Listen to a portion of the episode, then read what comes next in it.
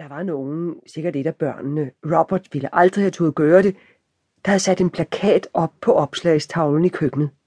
En lille plakat i sorte og kraftige lyserøde og gule farver, der forestillede en fjumset tegning af en kvinde med håret stridende til alle sider, hånd i vinge med en kalkun med udstående og stirrende øjne.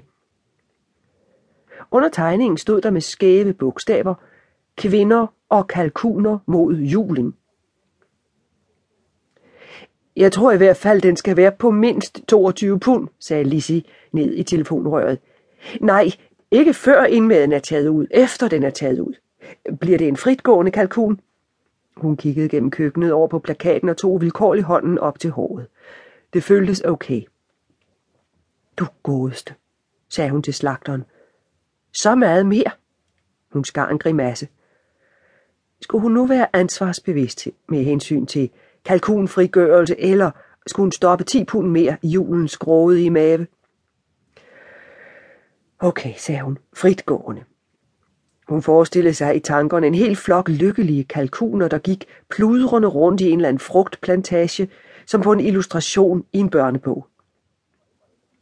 Fritgående 22 pund, og enten kommer jeg selv og henter den på mandag, eller også kommer Mr. Middleton.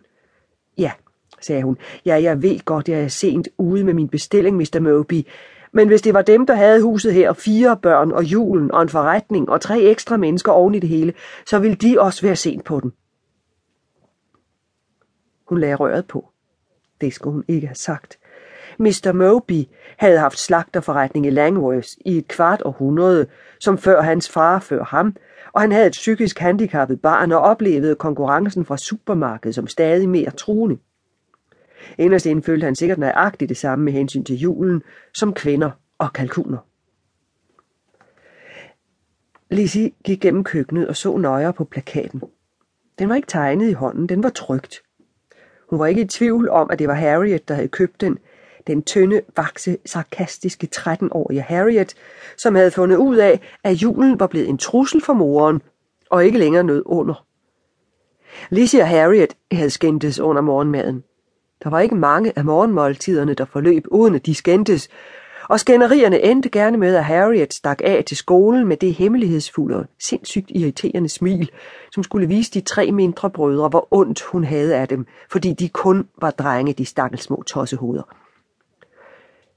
Harriet havde spurgt Lizzie, om hun ikke skulle ind i galleriet den dag. Det galleri, hun og Robert havde åbnet, da de var kommet til Langworth 16 år tidligere. Lizzie sagde, nej, det skulle hun ikke. Hvorfor ikke? Fordi det er jul. Jamen, hvad i alverden?